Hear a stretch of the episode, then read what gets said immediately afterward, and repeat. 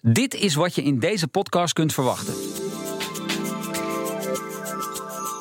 We hebben toch heel veel van die oude stofzuigers. Weet je, het materiaal wat daarin zit, dat, dat voldoet blijkbaar aan die eis. Kunnen we die niet gewoon apart houden? Die apart recyclen en die gebruiken als een basis voor een nieuw gerecycled materiaal. En op die manier is eigenlijk het, het project eh, begonnen. Alle kunststoffen krijgen al een uh, tweede, tweede leven. Uh, maar we zijn wel met uh, heel veel producenten actief bezig met dergelijke projecten. Je kan maar je eigen verantwoordelijkheid nemen voor, voor jezelf tot een bepaald niveau. Op een gegeven moment dan heb je het ook gehad. En dan, dan vind je ook dat er dingen geregeld moeten worden. Als we daarmee kunnen beginnen ook. Hè, producenten de, uh, de zekerheid geven dat de materialen die ze kopen hè, voldoen aan die kwaliteitseisen. Uh, dan zal dat denk ik een begin van een versnelling zijn. De circulaire economie. Daarover gaat het in deze podcastreeks. Met nu, wat hebben we nodig om kunststoffen zo hoogwaardig mogelijk te hergebruiken? Fijn dat je luistert. Mijn naam is John van Schagen en in deze serie podcast ga ik voor het Normalisatie Instituut, beter bekend als NEN, op onderzoek in de wereld van grondstoffen en hergebruik. Waar liggen de kansen, de moeilijkheden en hoe kunnen we de Nederlandse concurrentiepositie hierin nog sterker maken? Ik zeg een warm welkom aan mijn gasten. We hebben onder meer Elko Smit van Philips, Wietse Wissema van Alligator Plastics en Martijn Geertsen. Hij is van NEN. Heren, allemaal van harte welkom. Uh, ja, Elko Philips kent iedereen natuurlijk, maar Wietse Alligator Plastics, dat is net iets minder bekend. Uh, wie zijn jullie en wat doen jullie precies? Ja, dat klopt dat we iets minder bekend zijn. We zijn iets minder groot als, uh, als Philips. We zijn een uh, spuitgietbedrijf in de regio Eindhoven. We hebben twee locaties en daar werken we met 130 man. En dan uh, verwerken we kunststof voor allerlei industrieën, voornamelijk technische producten. Nou, en een van die producten heb je meegenomen. Wat dat is, dat gaan we nog even uh, geheim houden. Daar gaan we zo meteen op, uh, op terugkomen. Dat gaan we ook uitgebreid met elkaar praten. Maar laten we dat doen aan de hand van een concrete casus. Um, onlangs bracht ik een bezoek aan het recyclingsbedrijf Coolrack in Dordrecht. En ik sprak daar met directeur Arjan Wittekoek. We zijn hier vandaag uh, bij Koelrek in Dordrecht. Dat is een van onze locaties waar wij koelkasten, wasmachines en kleine huishoudelijke apparaten verwerken. Om wat idee te geven hoeveel dat zijn. ruim zeg maar 2000 koelkasten per dag. Ehm, heel veel apparaten. ik kan dat wel in tonnen uitdrukken, maar er zijn heel veel apparaten. En nou wilde ik dit interview eigenlijk doen zeg maar op de plek waar het ook daadwerkelijk gebeurt. Nou, ik ben net even wezen kijken. Het is echt een gigantisch lawaai. Ja, dat klopt. Want uiteindelijk om aan die verschillende onderdelen weer te komen, het materiaal, moeten we eerst de apparaten kapot maken. En dat gebeurt allemaal met machines. En die maken inderdaad wel wat lawaai. En als je dan die apparaten een tweede leven geeft, uh, waar komen die materialen dan terecht? Nou, uiteindelijk de materialen die je eruit halen zijn vaak uh, metalen of kunststoffen. En we proberen die zoveel mogelijk in een closed loop te brengen. Uh, zoals van koelkast naar koelkast of van stofzuiger naar stofzuiger. Ja, nou, over die stofzuiger komen we zo nog te praten. Want uh, ik zie hier hier een uh, op tafel staan, een hele bijzondere. Even over die kunststoffen inderdaad. Want daar zeg je wat over. Hoe moeilijk is het eigenlijk om die kunststoffen, om, dat, om die gerecycled te krijgen? Ja, het lastige bij kunststofrecycling is dat er best wel wat verschillende soorten aan kunststoffen bestaan. En die kunststoffen zijn vaak ook weer gevuld met materialen die vandaag de dag wellicht verboden zijn. Denk aan bijvoorbeeld vlamvertragers. die moeten wij eruit halen. Uh, dus het is niet zomaar een plastic onderdeel terugwinnen en denken dat dat weer opnieuw gebruikt kan worden. Ja, dat is een heel ingrijpend proces dus. Uh, wat kunnen jullie uiteindelijk met die kunststoffen? Nou, uiteindelijk wij zijn in staat om die kunststoffen te sorteren, op te schonen en verder uh, zeg maar op specificatie te brengen. Met zuiverheden tot boven de 99 procent. zodoende dat die uiteindelijk weer door een klant opnieuw kunnen worden ingezet. En in verschillende industrieën. Nou, een van die industrieën is ook uh, de huishoudelijke apparaten. Er staat hier een stofzuiger van Philips op tafel. Uh, ja, vertel even, pak hem er anders even bij. Wat is er zo bijzonder aan dit ding? Het bijzondere aan deze stofzuiger is dat hij uh, gemaakt is van oude Philips stofzuigers. Dus het is echt een closed loop. En 36% van het plastic is afkomstig vanuit recyclaat. En dat zijn ook echt specifiek stofzuigers van Philips geweest. Ja, en het komt met name, want de onderkant is, is zwart. En dat is waar we nu ook tegenaan kijken. En dat is, eh, daar komen die kunststoffen uit die oude Philips stofzuigers vandaan. Ja, dat klopt. Uh, inderdaad de onderkant. Maar tevens ook eigenlijk het hele geraamte. Dus het sterkte van, uh, van dat ding. En ik denk dat het bijzonder is, want het is ook een zichtbaar onderdeel. Hè? Dus het is niet verstopt ergens erin. Het is ook echt te zien. En er zit geen geur aan. Je ziet verder ook geen mankementen. En we laten hiermee zien, en vooral ook Philips, dat het mogelijk is. Ja, je ziet er eigenlijk helemaal niets aan, hè? Klopt. Ja, ja. interessant. Eh, hebben jullie nog meer van dit soort eh, eh, projecten, meer van dit soort producten op de markt, waarin dus ook kunststoffen van oude koelkasten zitten bijvoorbeeld? Er zijn al toepassingen, nog niet zozeer van stofzuiger naar stofzuiger, maar wel andere. Hè. Het is niet zo dat we het nu naar de verbranding sturen, integendeel. Alle kunststoffen krijgen al een tweede, tweede leven. Eh, maar we zijn wel met eh, heel veel producenten actief bezig met eh, dergelijke projecten.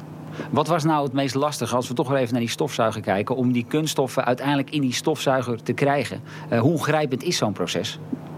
Ja, dat vraagt om heel veel bewerkingsstappen. Eh, uiteindelijk hier, hè, waar de lawaai zeg maar, begint, vraagt het daarna twee tot drie verschillende processtappen om het uiteindelijk helemaal volgens de specificatie te krijgen. Dan heb ik het over kleur, heb ik het over zuiverheid, dergelijke zaken.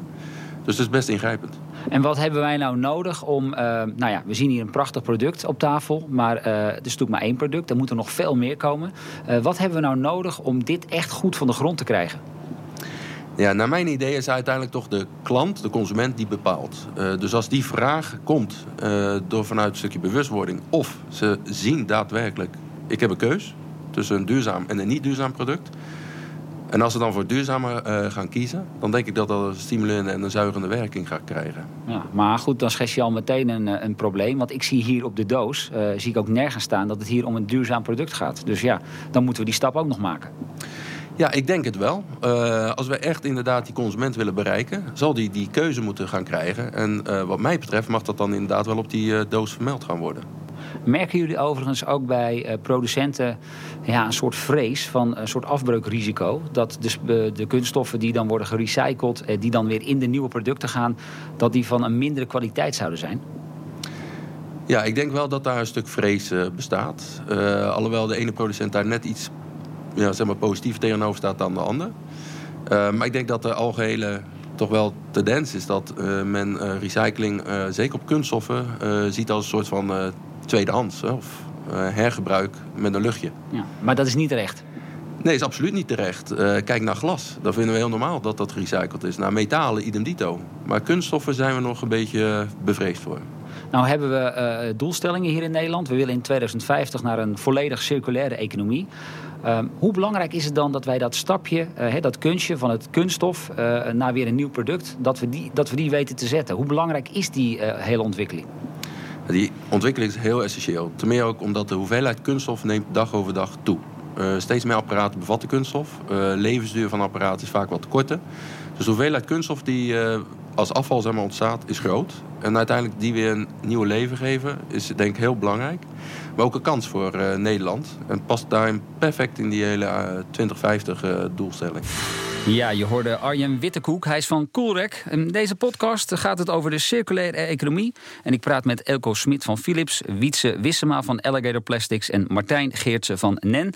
Hier allen nog aanwezig. Ehm, ja, heren, meteen maar even inzoomen op een aantal dingen eh, die ik zojuist eh, gehoord heb. Eh, Wietse, het weer gebruiken van kunststoffen, dat is een heel ingewikkeld proces. Kost tijd, kost geld, kost, e- energie. Dat moeten jullie herkennen. Ja, dat klopt inderdaad. Daar moet je, moet je wel wat stapjes extra voor doen. Maar aan de andere kant loont het ook de moeite. Ja. Is het ook voor ook de belangrijkste reden waarom het in Nederland nog relatief weinig gebeurt? Ik denk dat er eh, dat meerdere redenen zijn. Een van de redenen is het aanbod van, van gespecificeerd materiaal. Materiaal waarvan je eh, ja, wat binnen bepaalde technische bandbreedtes ligt. Zodat je ook zeker weet dat je de toepassing die je ervoor bedacht hebt, dat je die er ook mee kan maken. Ja, Martijn Geertsen van NEN, ehm, mooi voorbeeld volgens mij, hè? Die, die stofzuiger van Philips. Ja, prachtig voorbeeld. Het is vooral ook een voorbeeld waarvan je eh, kan, kan zien dat, dat dingen mogelijk zijn. Ehm, dat het ook niet een eh, eh, eh, nieuw product hoeft te zijn in de zin van het is alleen maar een gerecycleerd product. Het is gewoon een goede stofzuiger en daar, daar wil Philips het voor doen. Ja, ehm, Elko, afkomstig van Philips. ehm, jullie willen dus jullie eigen materiaal weer terugnemen om nieuwe stofzuigers te gebruiken. Eerst even, hoe is dat idee zo ontstaan? Het idee is eigenlijk ontstaan ehm, in een gesprek met Arjen. Ehm, wij maken al best wel wat langer eh, stofzuigers met gerecycled eh, kunststof daarin. Dus er zijn al een paar generaties op de markt geweest waar we dat eh, eerder gedaan hebben. Ehm, alleen wat wij merkten is dat we het materiaal dat we gebruikten, daar was gewoon eigenlijk niet genoeg van te krijgen. Dus we gebruikten een materiaal in onze andere stofzuigers, gemaakt bijvoorbeeld van accubakken in, in auto's. En dat volume is gewoon beperkt. Ja, dat is eigenlijk wat Wietse zojuist ook vermeldt. ja, precies. En toen moesten we op zoek naar een nieuw materiaal wat voldeed aan de eisen van die, die, van die stofzuiger, wat iets ook aangaf. Je moet heel goed bedenken wat de eisen zijn aan het materiaal. Specifiek weten wat, wat nou het allerbelangrijkste is. En voor een stofzuiger is dat dat hij eigenlijk van een tafel moet kunnen vallen bij een hele lage temperatuur. Dat is een beetje een gek product.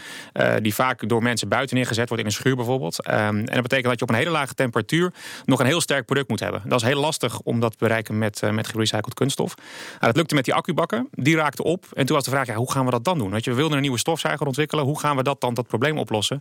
En toen, uh, toen was gewoon idee, hé, hey, maar we hebben toch heel veel van die oude stofzuigers. Weet je, het materiaal wat daarin zit, dat, dat voldoet blijkbaar aan die eis. Kunnen we die niet gewoon apart houden? Die apart recyclen en die gebruiken als een basis voor een nieuw gerecycled materiaal. En op die manier is eigenlijk het, eh, het project uh, begonnen. Ja, uh, Wietse, en nu bestaat de plastic in die stofzuiger van Philips voor 36% uit recyclaat. kunnen we dat nou echt een mooie prestatie noemen? Ja, ik denk dat het een hele goede prestatie is. Ja, absoluut. Ja, want jij hebt zelf ook iets meegenomen, hè? Ook iets wat uh, uit deels uh, gerecycled uh, kunststof bestaat. Kun, kun, je het even laten zien? Dat klopt, dat is een lichtgewicht kunststof disposable beerfust. Waar, waar staat die? Oh, kijk, hierachter. Ik pak hem er even bij. Dus even kijken. Het is, een, het is inderdaad een bierfust. Um, nou ja, leg zelf maar even uit. Ja, het is een lichtgewicht kunststof bierfust. Uh, wat van, vanwege zijn gewicht een hele lage carbon footprint heeft. Uh, is deels gemaakt van uh, reststromen materiaal. De zwarte delen, de onderkant en de bovenkant, die zijn gemaakt van reststromen. De andere materialen die kunnen in eigen verwerking... kunnen ze deels weer herverwerkt worden tot 30% in ditzelfde product. Ja, is ook een stuk lichter hè, dan die echte bierfust. Ik heb er vroeger nog wel eens mee gesjouwd, maar je, je vertilde je altijd eh, enorm aan die dingen. Ja, ja, ja, dat is natuurlijk heel erg prettig voor je rug. Maar nog veel prettiger voor het transport. Want er gaat 30% meer bier op een vrachtwagen. En je hebt geen retourtransport van de fusten. En je hoeft geen fusten te reinigen, wat ook weer energie en, en, en middelen kost. Ja. Hoeveel procent recyclaat uh, zien wij hierin?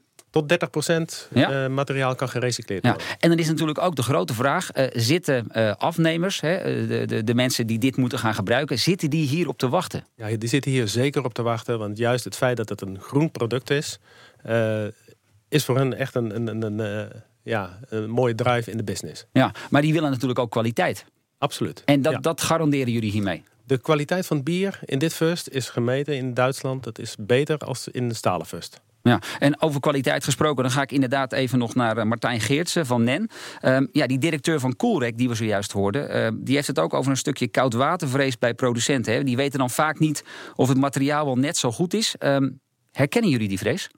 Ja, die herkennen we zeker. Het gaat vooral om uh, het feit dat je. Zoals hier in deze voorbeelden één op één afspraken maakt. Nou, dan heb je heel duidelijk te maken met partijen die je, die je kent en waar je gewoon één op één afspraken mee kan maken. Maar je wil dat ook vaak naar soort anonieme partijen communiceren. En dan heb je vaak afspraken nodig die, die daar uh, in, in de wereld waar je opereert geaccepteerd zijn. Nou, dat doen wij heel vaak.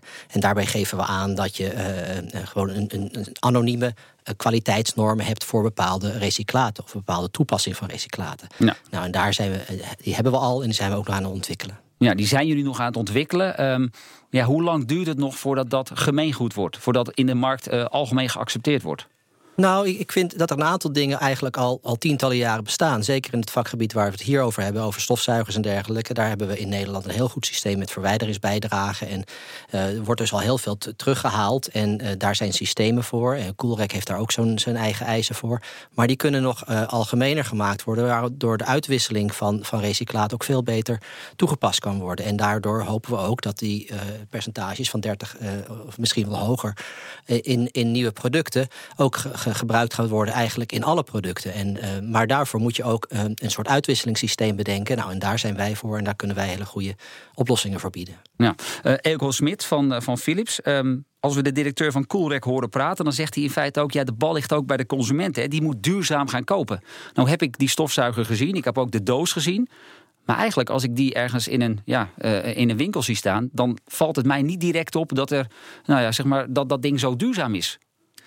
Ja, dat klopt. Um, het is een beetje een, een kip en een ei verhaal. Hè. Dus wij doen als Philips natuurlijk heel veel onderzoek naar wat wil de klant eigenlijk weten wanneer hij een product koopt. Hè. Dus wanneer hij een stofzuiger koopt, wat zijn dat de, de drie of vier belangrijkste dingen die hij wil weten.